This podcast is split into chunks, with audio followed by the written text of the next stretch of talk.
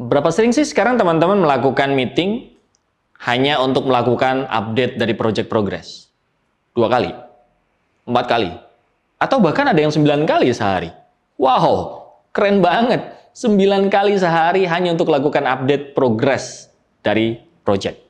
Sebenarnya ada loh cara yang paling mudah dan paling enak dibandingkan teman-teman harus terus-menerus meeting. Yuk kita lihat video berikut ini.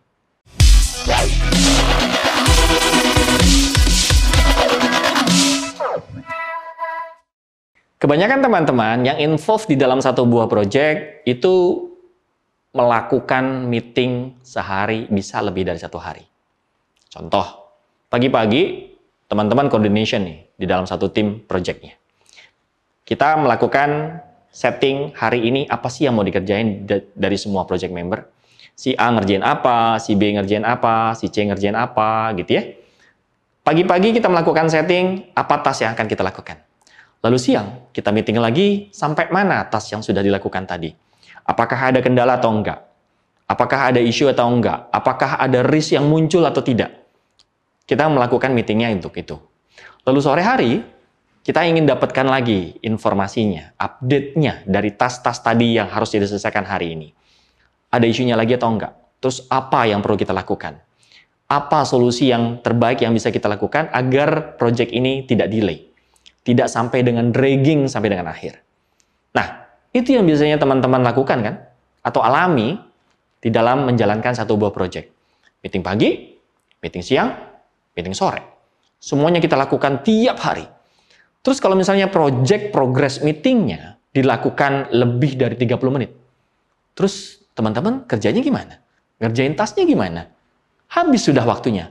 30 menit awal, 30 menit tengah, dan 30 menit akhir. Sudah satu setengah jam. Kalau teman-teman bekerja 8 jam, berarti hanya bersisa enam setengah jam untuk ngerjain dari task projectnya. Hilang waktunya? Sudah pasti. Nah, oleh karena itu, hilangkan sebuah meeting. Atau setidak-tidaknya, teman-teman kurangi intensitas dari meeting projectnya. Kenapa? Karena teman-teman bisa gunakan tools yang disebut dengan Project Progress Tools. Project Progress Tools memungkinkan teman-teman untuk bisa melakukan update langsung. Ketika ada task yang dikerjakan, semuanya terinformasi di situ. Ketika ada isu yang terjadi, teman-teman bisa raise-nya di situ.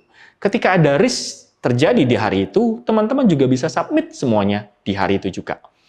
Dan seorang project leader, project manager, itu bisa langsung capture, bisa langsung lihat seketika ketika ada satu buah update terjadi dari project tersebut isu, task, risk, opportunity, atau apa pun yang terjadi dari project tersebut, si project leader atau project manager bisa langsung melihatnya.